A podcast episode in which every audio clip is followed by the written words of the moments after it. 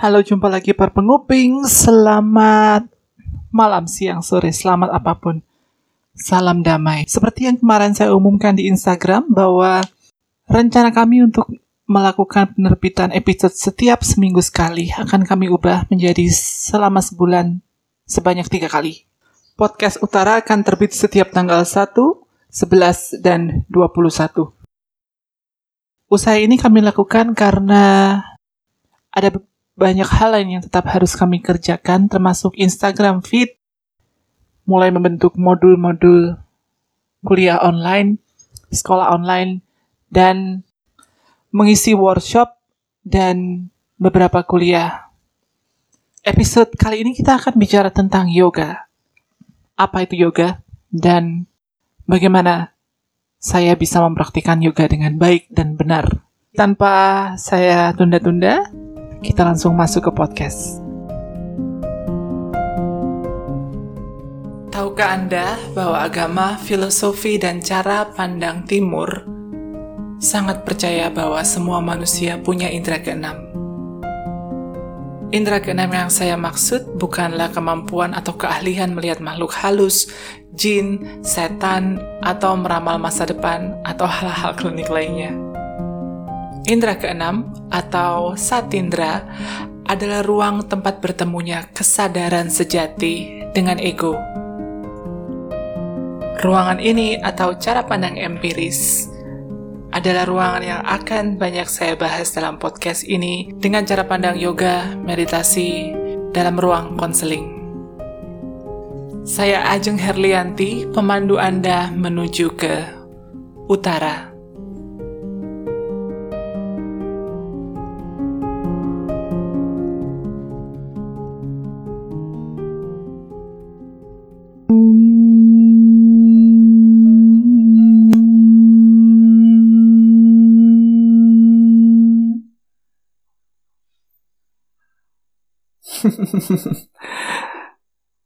Saya sedang ikut terapi wicara.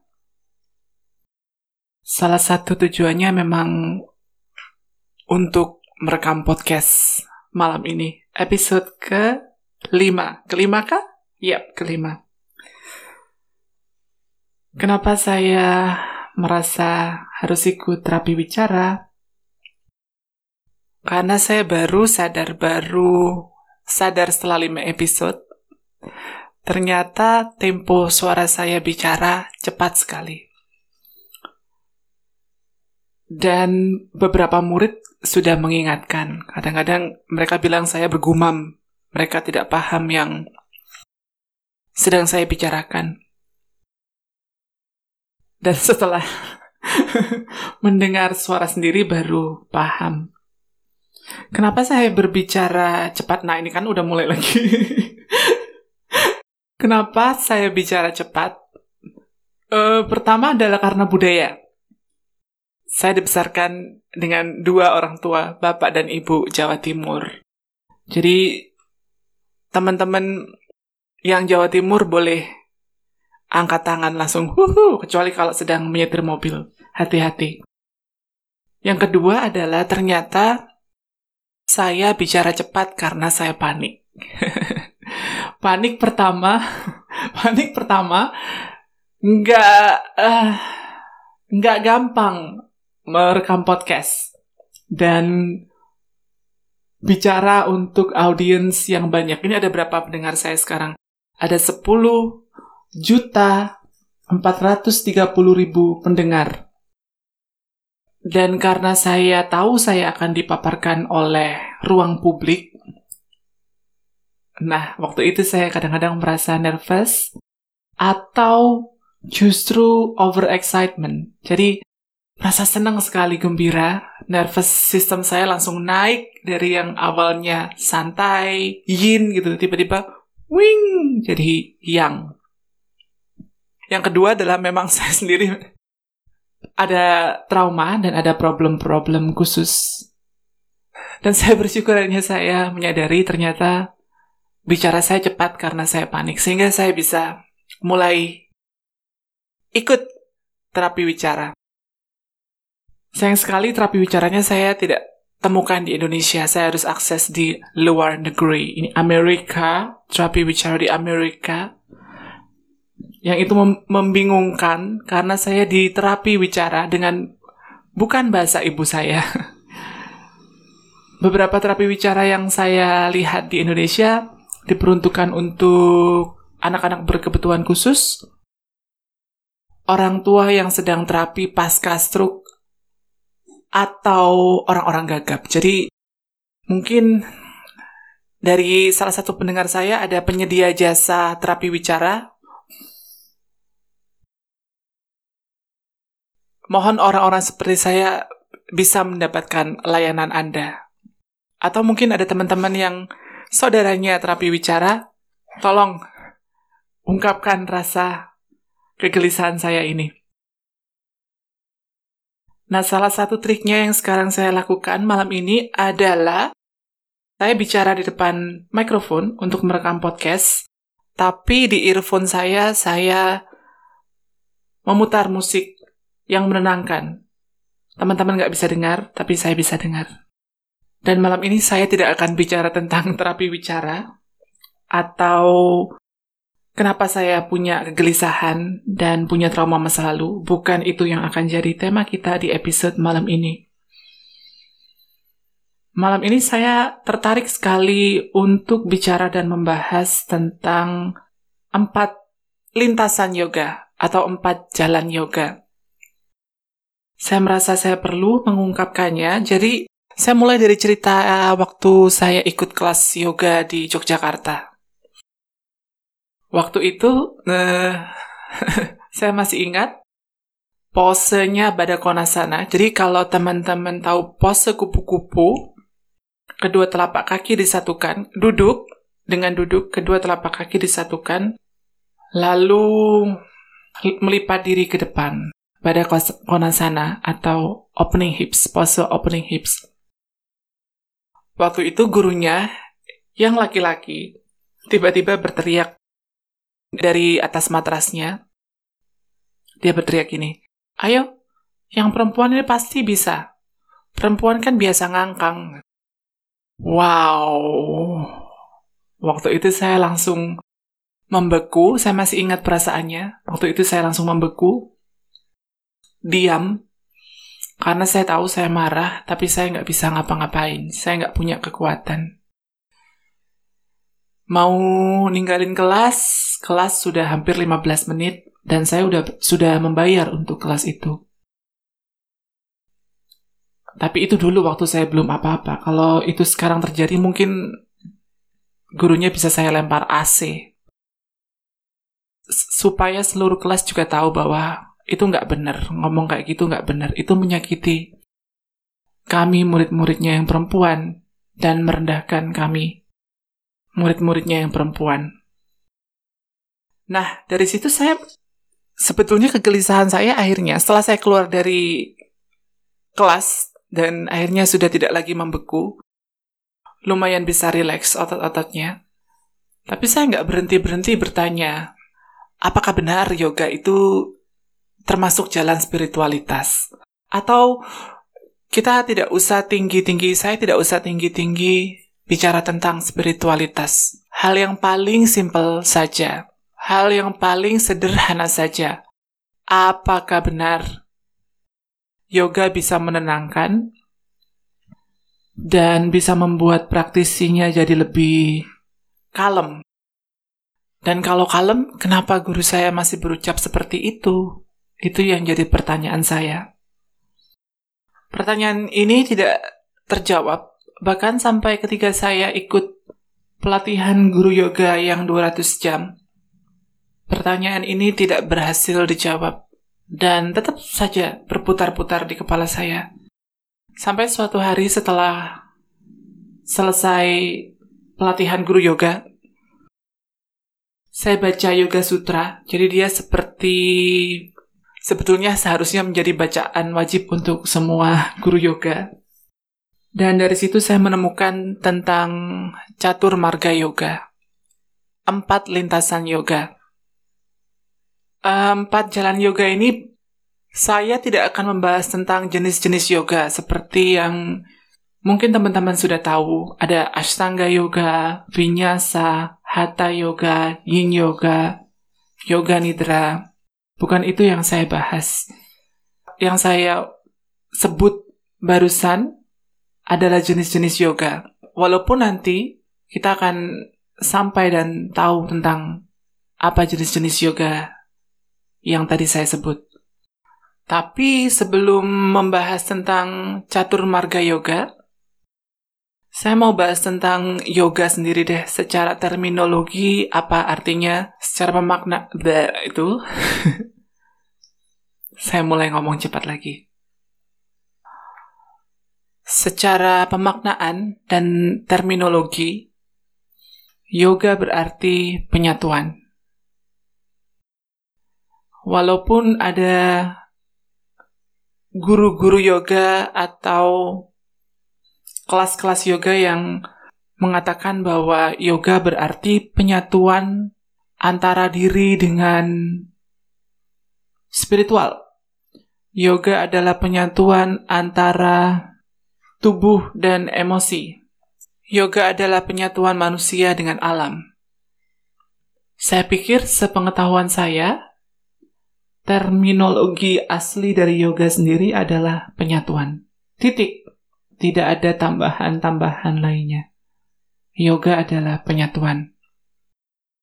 Penyatuan dari apa dan kenapa yoga dimaknai dengan penyatuan? Penafsiran saya adalah penyatuan dari ilusi tentang perbedaan-perbedaan materi kita sebagai manusia. Kita sebagai manusia punya banyak perbedaan. Agama, etnis, budaya, gender, orientasi seksual, dan masih banyak lagi. Dan yoga dalam arti penyatuan adalah menyatukan ilusi-ilusi bahwa kita berpisah. Karena sadar atau tidak sadar, setuju atau tidak setuju, kita adalah satu energi kosmos. Kita adalah energi alam semesta. Termasuk uh, catur marga yoga yang akan saya bahas. Walaupun ada empat, kenapa dipisah ada empat? Itu juga ilusi. Karena nanti kita akan tahu setelah kita bahas. Ternyata yang satu bersinggungan dengan yang lainnya, yang lainnya bersinggungan dengan yang lainnya, yang satu bersinggungan dengan yang lainnya, dan semuanya itu lingkaran, tidak bisa dipisahkan. Astanga, Yin Yoga, Hatha Yoga, Vinyasa, Yoga Nidra, menurut saya tujuannya satu.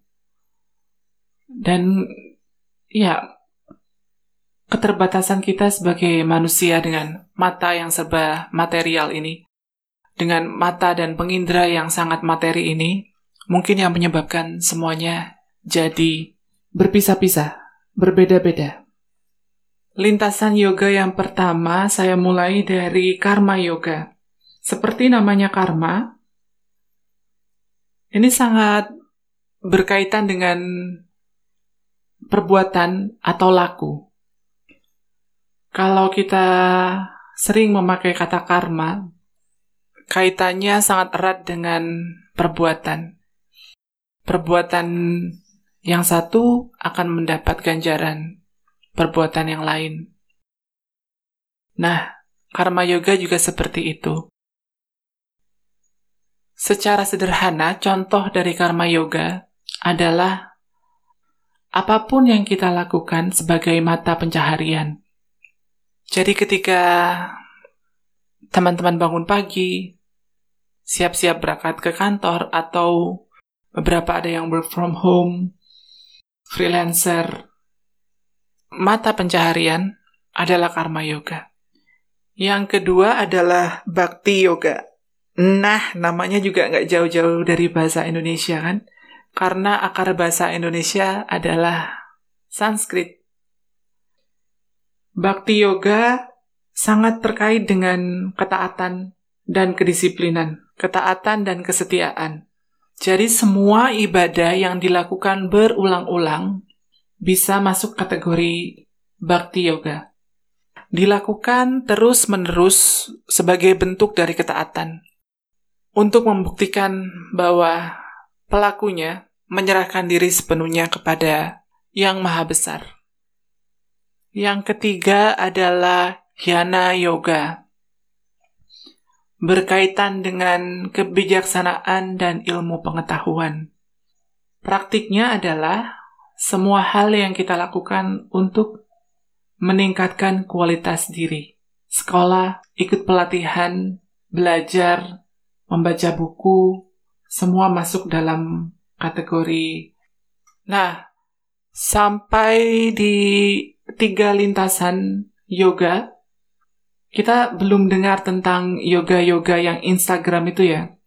Split, headstand, handstand, yoga-yoga yang sangat fleksibel dan sangat kuat itu pasti di jalan nomor 4. Dan jalan nomor 4 adalah Raja Yoga. Ketemu lagi dengan bahasa Sanskrit yang sama dengan bahasa Indonesia. Saya ganggu sebentar waktu Anda mendengarkan podcast ini karena saya suka sekali mengganggu orang. Kalau teman-teman tertarik dengan kerja-kerja yang saya lakukan, silakan ikuti Instagram saya di Kalajengping seperti Kalajengking tapi diakhiri dengan P-I-N-K. Saya akan tulis IG saya di kolom caption. Silakan diperiksa kecuali untuk teman-teman yang sedang menyetir mobil. Konten Instagram saya seperti podcast Utara memaparkan tentang isu-isu kesehatan mental, yoga, dan meditasi. Follow Instagram saya. Akan ada tips-tips kesehatan batin dan informasi-informasi tentang kelas atau kuliah yang saya adakan. Sekarang silakan kembali lagi ke podcast. Raja memang artinya the king of yoga sangat berhubungan erat dengan kedisiplinan diri. Di dalamnya ada tujuh tangga Raja Yoga. Yang pertama adalah Yama.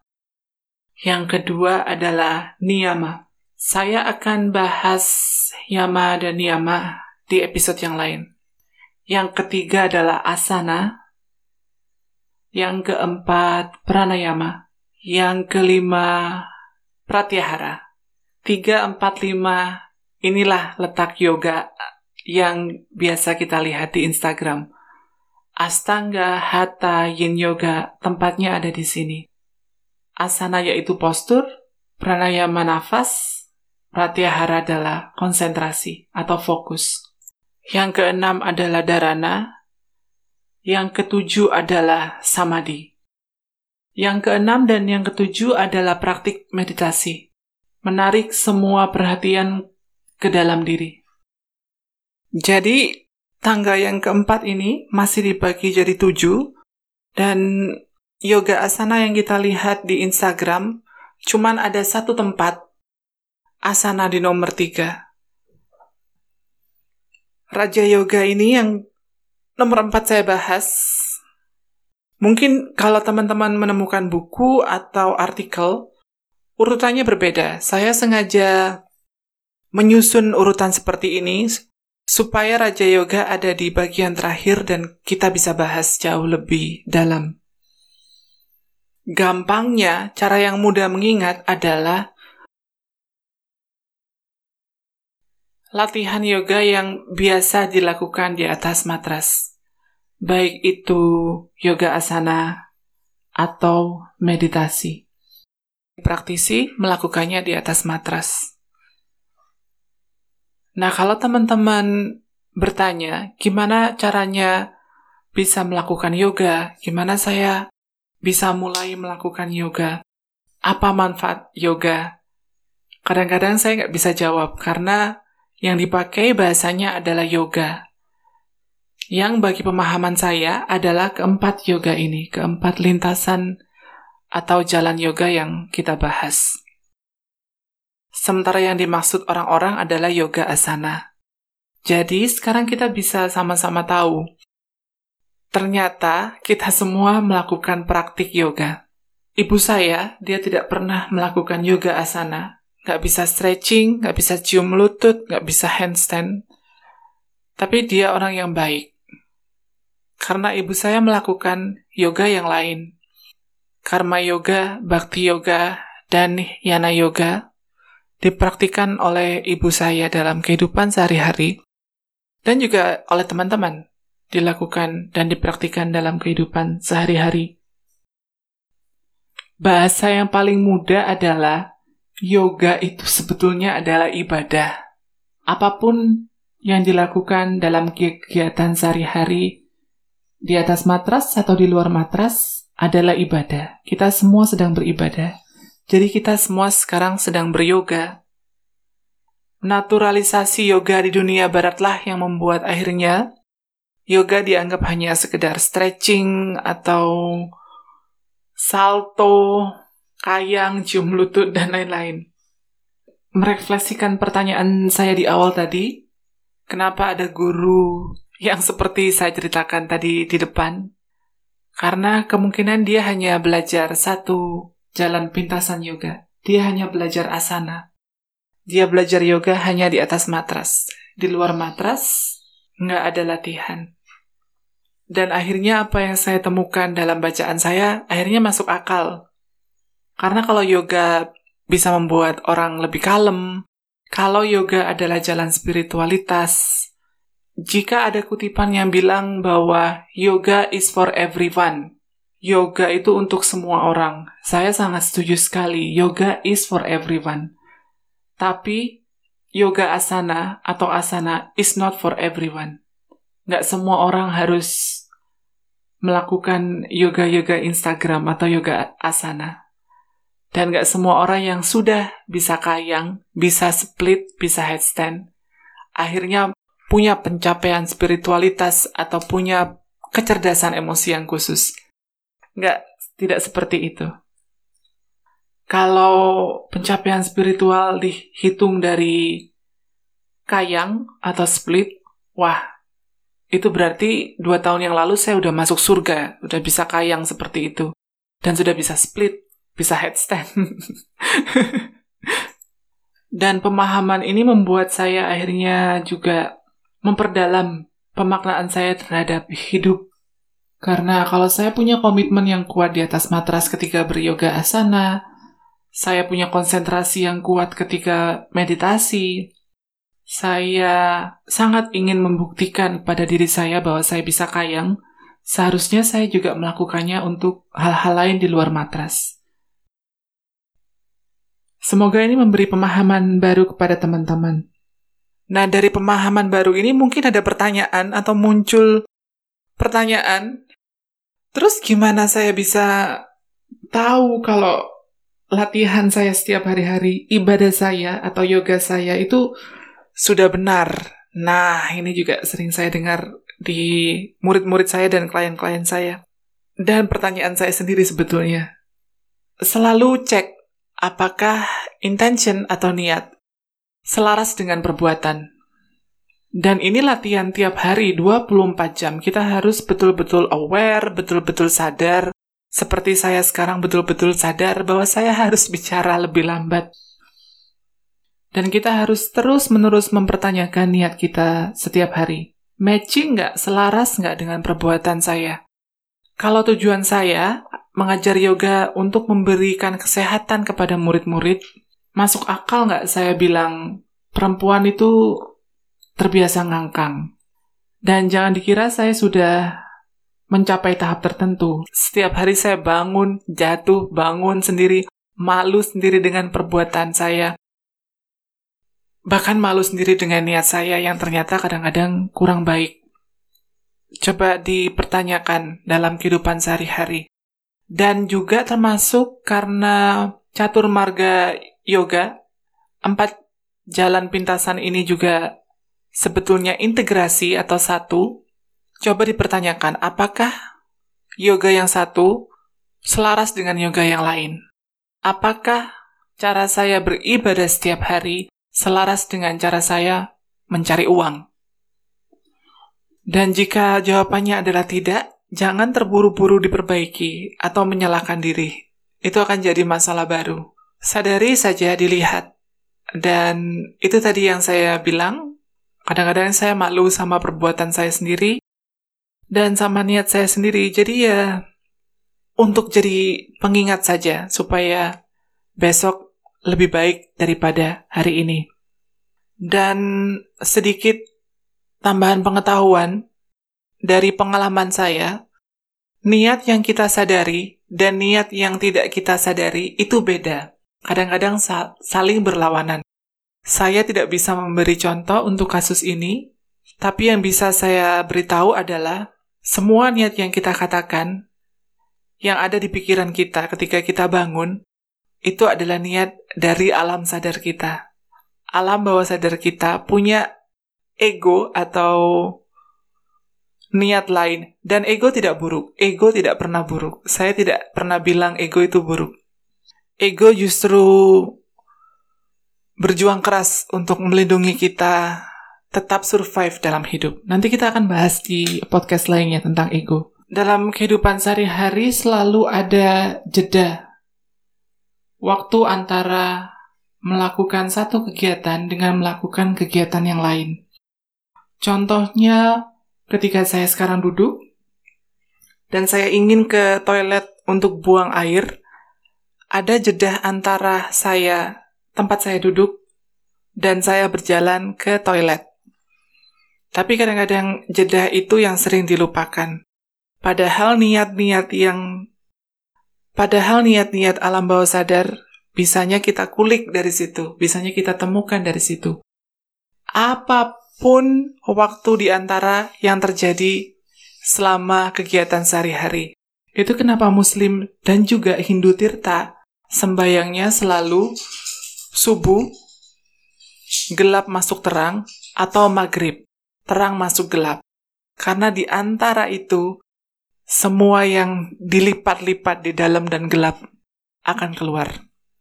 Atau teman-teman bisa juga mempertanyakan niat pada saat perjalanan dari rumah ke kantor, istirahat makan siang, atau jeda antara kegiatan terakhir yang dilakukan ke tempat tidur. Nah, untuk praktek itu, prakteknya kan mudah sebetulnya. Nah, untuk hal-hal tersebut, itu alasannya kenapa waktu-waktu yin dibutuhkan. Istirahat dibutuhkan. Kalau saya boleh beri saran, dicoba aja selama tujuh hari ke depan. Jangan tidur dengan smartphone. Maksud saya, letakkan smartphone, pergi tidur. Kontemplasi pada saat dari pertama kali kepala diletakkan di atas bantal sampai tertidur pulas. Di situ kadang-kadang lamunan, kontemplasi tiba-tiba muncul. Walaupun sekarang beberapa dari kita milihnya handphone di tangan, main game, atau chat di WhatsApp sampai ketidur. Jadi, waktu jeda antara bangun dan tertidur itu dilewati, di skip begitu saja. Prakteknya gampang toh, hanya meletakkan smartphone dan silakan letakkan kepala di bantal sampai tidur. Yang pertama, yang kedua adalah sebaliknya. Pada saat bangun, nggak langsung pegang handphone. Ini deh, saya kasih tantangan yang mudah 10-20 menit.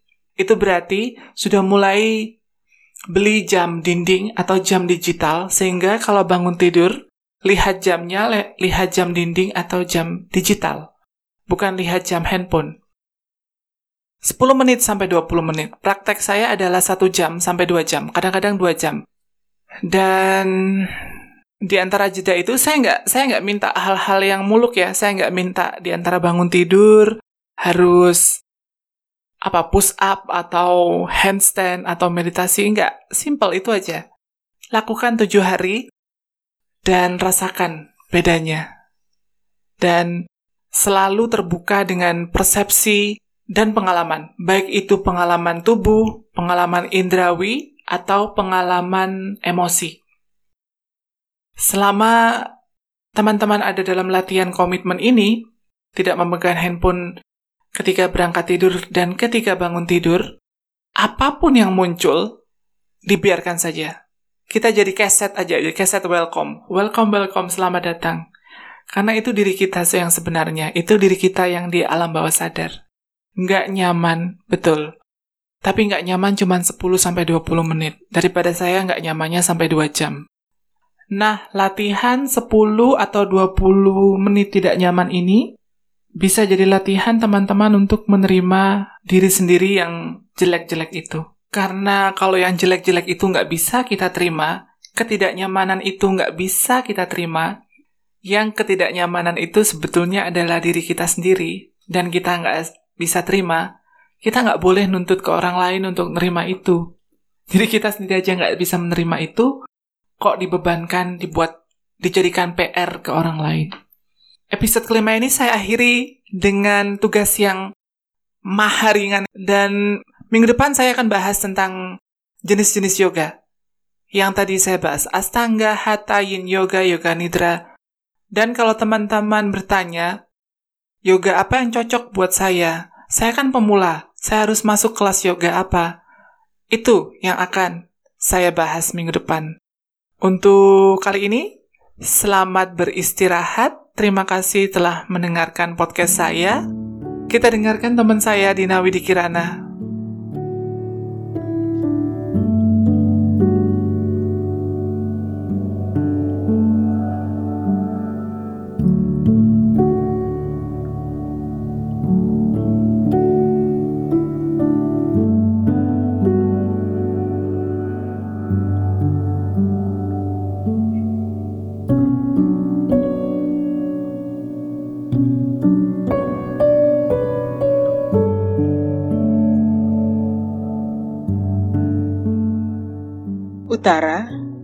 direkam oleh Ajeng Herlianti. Musik pembuka dan musik penutup oleh Scott Buckley. Silahkan bagikan kepada orang-orang terkasih dan kawan-kawan tercinta.